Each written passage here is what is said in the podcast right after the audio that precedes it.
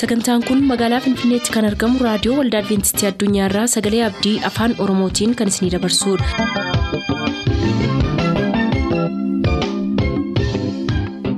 Harka fuuni attam jirtu hordoftoota sagantaa keenyaa ayyaanniif nagaan waaqayyoo hunduma keessaniif haa baay'atu jechaa sagantaa keenyarraa jalatti qabannee kan dhiyaannu sagantaa dargaggootaaf sagalee waaqayyoo ta'a. Dursa sagantaa dargaggootaatii nu hordofa.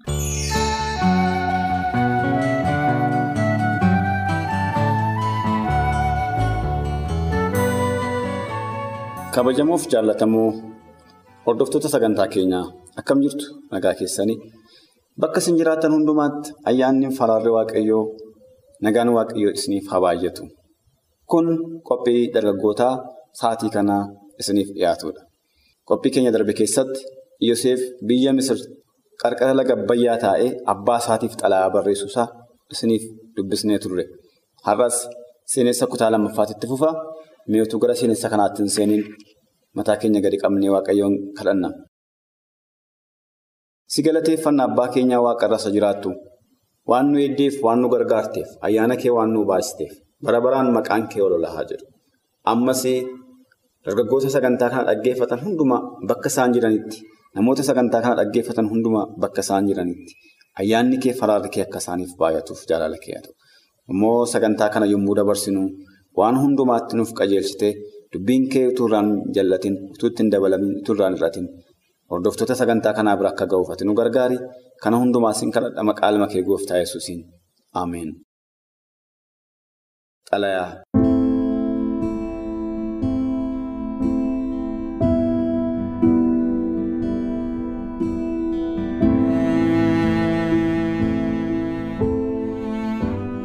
Kabajamaaf jaallatamaa abbaa koo Yaaqoob akkam jirta?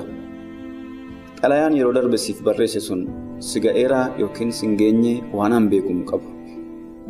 Ta'us xalayaa lammaffaa kana ammas siif barreesseen jira. Maaliifan akkan siif barreessu beekta?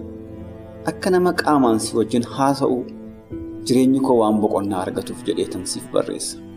Akkamitti akkan waaqayyoon isa biyya ormaa kana keessatti nagaatti na eeguudhaan ayyaana isaa anaaf baay'isee har'aan nagee akkan galateeffadhu hin beeku. Kana qofa miti waan si ajaa'ibu biyya ormaa kana keessatti waaqayyo ayyaana inni anaaf baay'iseen namtichi ani mana isaa taa'u sun kan garba godhee na bitate sun waan abjuudhaan illee iyyaanne bakka hin takkaa hin tilmaamne anaaf kennee jira. Waan an qabu hundumtinuu kallattii hundumaatiin. Waaqa koo isa nafaana jiruun waan eebbifameef namtichis waan qabu hundumaa irratti hoogganaaf ajaajaa godhee ana muude baay'ee waan natti gammadeef qabeenya isaa hundumaa dabarsee anatti kenne furtuun maallaqa isaatii hundinuu kallattii hundumaatiin wanti inni anatti hin kennin tokkollee hin jiru. Akkuma ilma isaatti ana kunuunsa akkuma ilma isaattis ana jaallata. Hojii koo keessatti guyyaa guyyaatti namoota hedduu waliin. Waanan wal quunnamaa ooluuf hojiin koo baay'ee bal'aadha. Baasiif galii jiru anatu to'ata. Anatu ajaja.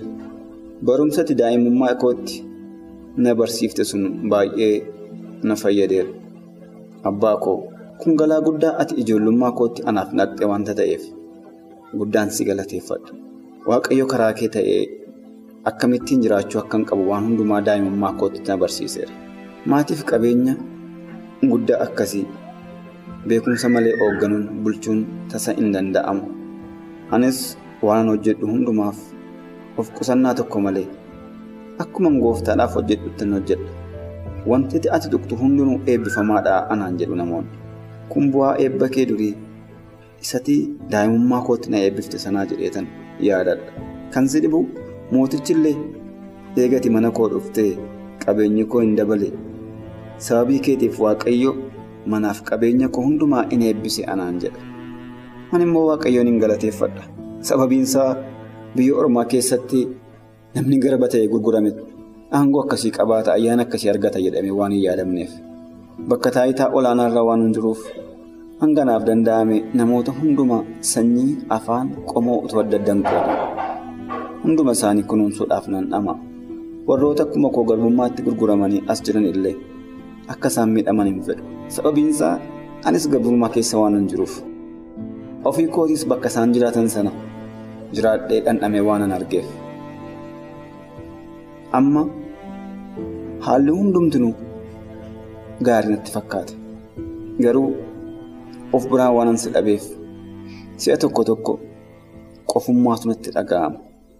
Fuula kee fuula biiniyaamtu ija koo dura dhufe osuman hojii hojjedhuullee booyi na godha yeroo hundumaa si yaade guyyaa baay'een hirriba koo keessaa ka'e boo'a abbaa hadaraa kadhannaa keetti na yaadadhu du'eeraa akkamittan nama du'eef kadhadha jettee waa'ee koo abdii kuttee hin dhiisin akkuma xalayaa koo darbeen sitti mee ani hin duune ammallee jira. Namtichi qabeenya isaa irratti hoogganaa na godhe na kaa'e kun. Haadha warraa bareedduu tokko qaba miidhagina ishee kana jedhee waan sitti himu hin qabu. Dhimmi ani irratti anaaf kadhadhu siin jedhu kunis isheedhaa wajjiniin wal qabata. Yeroo baay'ee nagaatti. Waan ani fuula isheerraa dubbisu haalli isheen natti agarsiistu akkaataan dhiyaannaa isheetii hundinuu natti hin tolle. Yeroo baay'ee akka nama hojiidhaaf na barbaadu kutaa ani hojjedhu dhufti. Yeroo kaan immoo gara kutaa isheetti na waamti. Guyyaa baay'een mala adda addaa uumee ishee harkaa ba'e. Sun immoo waan baay'ee ishee aarse natti fakkaata. Dhugaa sitti himuudhaaf kaayyoof fedhiin koo waaqayyoofis ta'ee mootichaafis amanamaa ta'ee jiraachuudha. Akkuman dargaggummaa kootiin oofamee abboommii waaqa kooti cabsee hin gaddinetti guyyaa hundumaa halkanis guyyaas carraan argadhe hundumaatti kadhachaan jira adaraan koo inni guddaanis kanumadha atis akkaanaaf kadhattu mootii waan qabu hundumaa anatti kenne mana isaa jireenya isaa hundumaa furtuu mana isaatii dabarsee natti kenne salphisee waaqa isa hundumaa uume anaanis haga har'aatti na jiraachises ormoota gidduutti maqaa isaa akka hin arrabsiifneef adaraa halkaniif guyyaanaaf kadhadhu. Abba dhimma akkasiisitti immuun anarraa hin eegamu ta'a. Garuu ri'aan wajjiniin mari'adhu firan kana jedhee itti madhu waan hin qabneef akka wanta ana dhaga'aa jirtuutiin xalaa kana barreessaa jira. Atis akkamittiin haadha koo akkati jaallattu waan an beekuuf akkamitti akkas ishee kunuunsaa turte waan an beekuuf anis gaafa waaqayyo jedhe maatii akkasii godhachuun fedha. Hanga sanaatti immoo waan hin taane kan fuula waaqayyootti badaa ta'e kana hojjedhe ofii koo akkan hin xureessineef adaraa cimsiinaaf kadhadhu anis cimsee kadhachaan jira. Inni harkasaa isa amanamaa irratti na baatee qorumsa kana keessa akkana dabarsuuf yeroo hundumaa kadhannaa kooti. Akkuma yeroo darbe adaraa obboleessa koo Biiniyaamin naaf dubbisi. Kamiifiyyuu haalli namma keessa jiru akkasa yeroo kanaan dura gaarii natti hin fakkaatu. Waan ani irra ga'e xalayaa koo ittaanu keessatti siif barreessa. Biiniyaamin naaf dubbisi. Baay'een si jaalladha abbaa koo. Nagaan naaf turi. Yoseef ilma keerraa biyya Misir mana hidhaa keessa.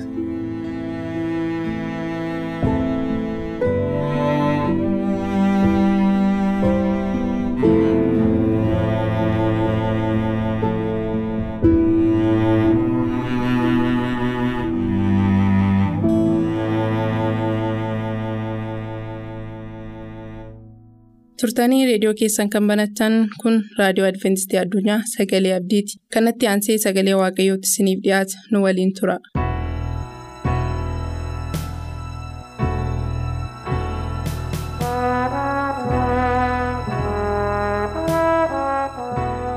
harka fuune kabajamtoota dhaggeeffatoota keenyaa akkam jirtu nagaan keenya kan kabajaaf kan jaalalaa bakka isin jirtan hundumaatti dambalii qilleensaa kanarraan isin haa qaqqabu.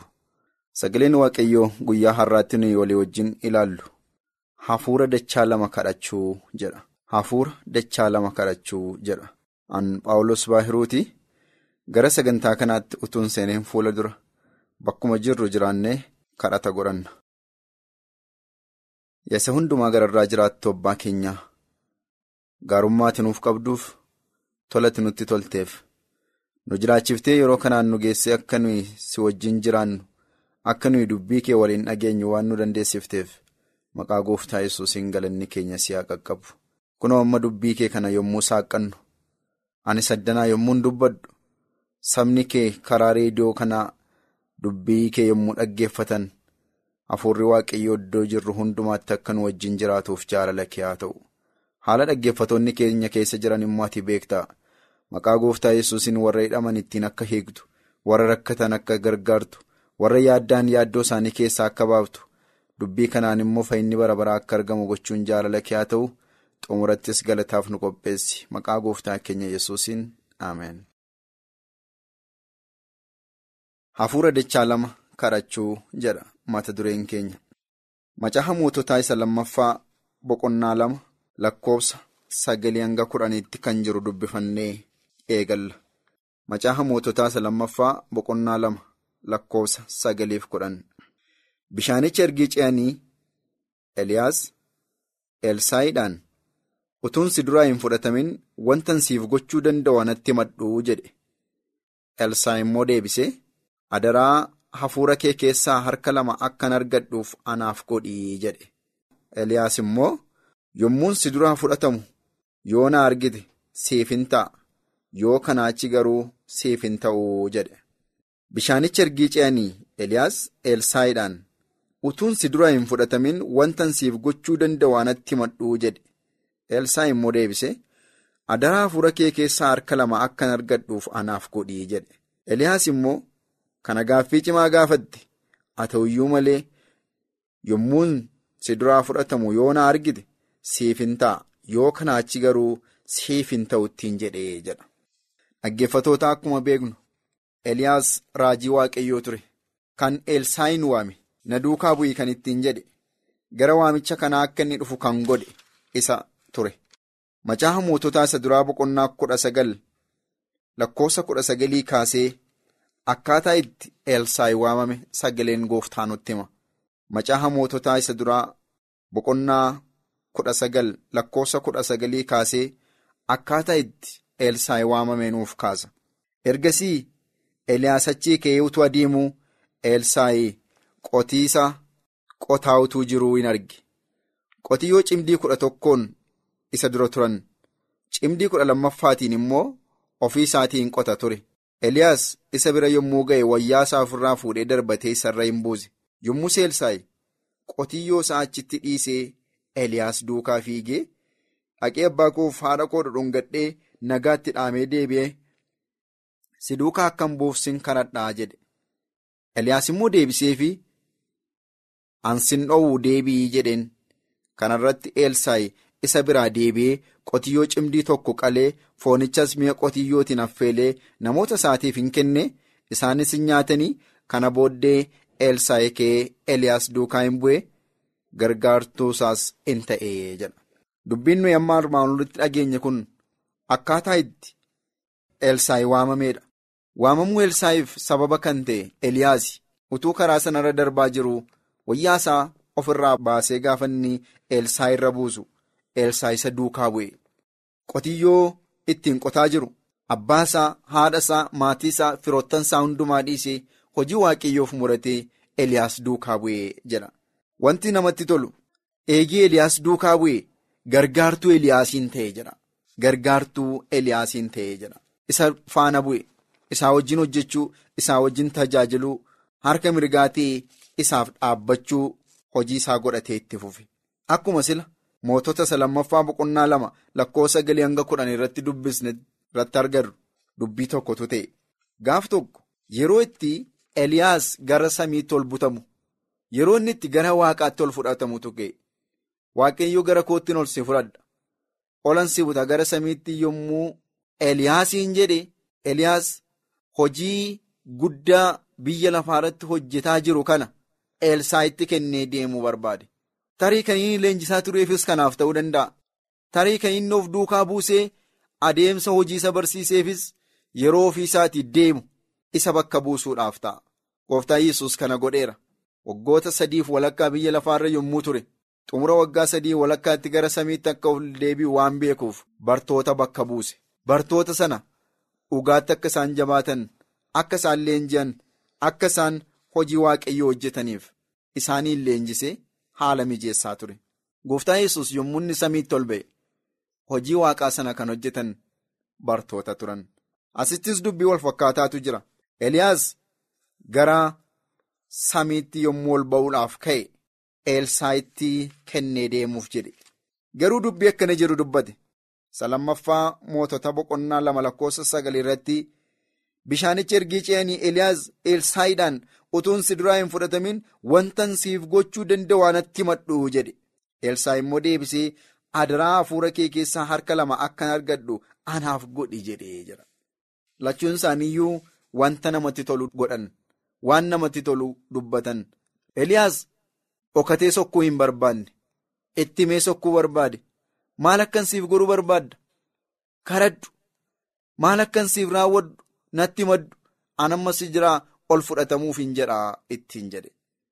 Dhaggeeffatoota Elsaayi waan gaarii kadhate. Hafuura kee dachaa lama naa kenni. Hafuura waaqayyoo ittiin sii kennee hojii kana hojjechaa jirtu. Anis argachuun barbaada. Anis hafuura kanaan hojii samaayii kana hojjechuun barbaada. Si wajjin waaqayyoo akka inni hojjetaa jiru beeka. Hafuura ittiin hojjetaa jirtu kun hafuura namaa miti. Hafuura lafaa miti. Hafuura waaqa biraa siif dhufeedha. Anis hafuura kana akka ati naa hirtu akka ati naaf kennituun barbaadaa jedhe. Waaqayyoo yeroo tokko Solomooniin wanta fedha kee wantan sii gochuu barbaadu qaba karadhu waan barbaaddeenaan Solomoon qabeenya dhiisee taayitaa dhiisee humna loltootaa dhiisee beekumsa akka ati naa kennitu ogummaan ittiin saba kana geggeessu akka itti naa kennituun barbaadaa yeroo inni jedhe. Sagalee macaafa qulqulluu keessatti agarra. Akkuma inni kadhatee isaaf ta'e waaqayyo ogummaaf beekumsa hanga ammaatti namni lafarratti eegee dhalatee argatee hin beekne isaaf kenne. Har'as yeroo iddoo kanattis agarru Elsaayi waan kan biraa hin kadhanne. Qarshii hin kadhanne. Badhaadhummaa addaa hin kadhanne. Simboo addaa hin kadhanne. Lafarratti beekamtii qabaachuu hin kadhanne. Mootummaa akkan qabaadhuuf mootii biyya kanaa akkan ta'uuf dandeettii addaa naa kenni adda naa kenni hin jenne. Garuu wanti inni barbaade hojii ati hojjette kana itti darbee hojjechuun barbaada. Kanatti darbee hojjechuuf immoo hafuura waaqaatu na barbaachisa. Eesuma hafuura dachaa lama naa kenni. Hafuura dachaa tokko hin kadhanne. Hafuura dachaa lama kadhate. Ittiin jedhe. Deebiin Eliyaas kenneef garuu gaaffin ati gaafatte illee cimaadha. Haa ta'u iyyuu malee yommuun si duraa fudhatamu yoo na argite siif hin ta'a. Yoo kanaa achi garuu siif hin ta'uu ittiin jedhe an amma si duraa nan fudhatama? Gaaffii kee kanaaf deebii ka barbaaddu yoo taate na hordofi. Narraa addaan hin bahin gaafa na si ol fudhatamu yoo na agarte yoo na hordofte yommuu na si ol fudhatamu yoo na ilaalte. yoo na bukkee jirta taate kun siif hin ta'a ittiin jedhame. Kanarraan kan ka'e elsaayi wanta gochuun isarra jiraatu gochuun dirqama isaa ta'a. Egaa taa'ee eliyaasiin dinqisiifachuu hin barbaanne elsaayi yommuu jireenya isaa ilaallu. Hojii hojjechuu akka inni barbaade. Daandii waaqayyoo karaa eliyaasiin jalqabe xumuruu. Daandii waaqayyoo karaa eliyaasiin baase itti fufii baasuu. Humna waaqayyoo biyya lafaa irratti karaa eliyaasiin mul'ise. itti fufee hojjetee mul'isuu barbaade. Dhaggeeffatoota elsaayi eebba dachaa sana argachuuf deemsa sadii akka inni deeme macaafni qulqulluun nutti hima. Calluma jedhamee hin argatamu eebbi calluma jedhamee gadi hin dhangala'u. Sabni waaqayyoo eebbifamuudhaaf waan gochuun isaa irra jiraatu jira. Eebbi habaarsi macaafa qulqulluu keenya keessatti caafamee jira. Namoonni sagalee waaqayyoo qajeelfama samiin isaanii kenne kan hordofan yoo ta'e akkamittiin akka eebbifamaniif. yoo sana hordofuu dhiisan immoo akkamitti akka abaaraman caafamee jira. Elsaayi eebba kana calluma jedhee argachuu hin danda'u. Deemsa sadii deemuutu irra jiraata. Deemsi inni jalqabaa mootota isa lammaffaa boqonnaa lama lakkoofsa lamarra jira akkas jedha eliyaas yommus elsaayiidhaan waaqayyo gara beetelitti waan na ergeef adaraa ati asuma turii jedhe elsaayi garuu deebisee dhugaa waaqayyo isa jiraataati du'a lubbuu keetiitis. Ansi biraa hin hafuu jedhe ergasii isaan walii wajjin beetelitti gadi hin bu'anii jedha. Deemsi inni jalqabaa deemsa beetel ture. Eliyaas gara beeteliin hin naqaa asuma turii na eegii ittiin jedhe. Elsaayi garuu akka inni jalaa fudhatamuuf jedhu akka inni jalaa sokkuudhaaf jedhu waan beekeef dhugaa isa jiraataati ansi biraa hin hafu. Gara ta deemtutti hin deema ittiin jedhe. Kana booddee wajjin adeeman. Saba waaqayyoo beetel. Bakka Abiraamitti eebba argateera. Waaqayyochitti Abiraamiin eebbiseera. bakka Yaaqoobis itti eebba argateera Beetel. Beetel iddoo sagadaati. Iddoo manni waaqayyoo itti ijaarame. Iddoo sabni waaqayyoo itti waaqayyoon galateeffataniidha. Har'as eebba hafuuraa argachuuf gara mana waaqayyootti adeemuun dirqama keenya ta'a. Elsaayi jedhi kaadhaqi anoosumatti nafaa utuu ittiin jedheera ta'e wanti baay'een isaa hafa ture. Amma garuu ansi biraan hafu ansi duukaan deema kallattii ittiin adeemtu hundumaa ittiin adeema ittiin jechuu isaarraan kan ka'e gara beetelii wajjin naqee eebba dachaa lama daandii ittiin argatu mijeeffataa ture. Sababni isaa eebbi nama waaqayyoo jira waan ta'eef waaqayyoo nama isaatiif eebba qaba. Eebbi hamuudhaaf garuu deemsa deemuun nurra jiraatutu jira. Lafumaa kaanee eebba samaayii eegganna yoo inni kun samaayii keessatti gatiin qabu. Inni lammaffaan deemsa gara Yeriikoodha. Achuma boqonnaa lama lakkoofsa afur irratti arganna. Eliyaas yommuu Elsaayiidhaan waaqayyoo gara Yeriikootti waan na ergeef adaraa tasuma turii jedhe. Inni garuu dhugaa waaqayyoos jiraataa du'a lubbuu keetiitti san sibiraa hin hafuu jedhe. Ergasii isaa walii wajjin gara Yeriikoo dhaqanii jedha. Gara Yeriikoottis nan deema Eliyaas jennaan aan sibiraan hafuu ittiin jedhe. Yeriikoon akkuma beekamtu magaalaa guddoo Israa'el turte dura bakka waaqayyoo callisaa itti naanna'aa jedhee gimbiitti naannessiisee ijoollee waaqayyoo itti mo'ichaa argatan ture. Ijoolleen waaqayyoo bakka isaanitti humni waaqayyoo isaaniif ta'e ture. Deemsi inni sadaffaan Yordaanos ture. Boqonnaa lama lakkoofsa ja'a. Eliyaas yommus itti dabalee Elsaayiidhaan waaqayyoo gara Yordaanositti waan na ergeef adaraa tasuma turi jedhe. Inni immoo deebisee dhugaa waaqayyoos jiraataa du'a lubbuu keetiitti san sibiraa hafuu jedhe. Ergasii lachuun isaanii itti hufanii na deemanii jedha. Yordaanos dhaggeeffatoota galaanaa gara kakuutti yeroo galuu fi ishee xumuraarra jirtudha.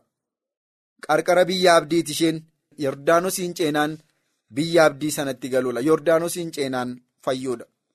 Kabajamtoota saba waaqayyoo bartoonni illee hafuura qulqulluu argachuudhaaf guyyaa kudhan guutummaa kadhataniiru. Gooftaan yesus kadhadhaa hamma humna argattanitti isaaniin jedhee waan tureef isaan jabeessanii akka isaan kadhatan isa booddee hafuurri waaqayyoo akka isaanii bu'ee agarra.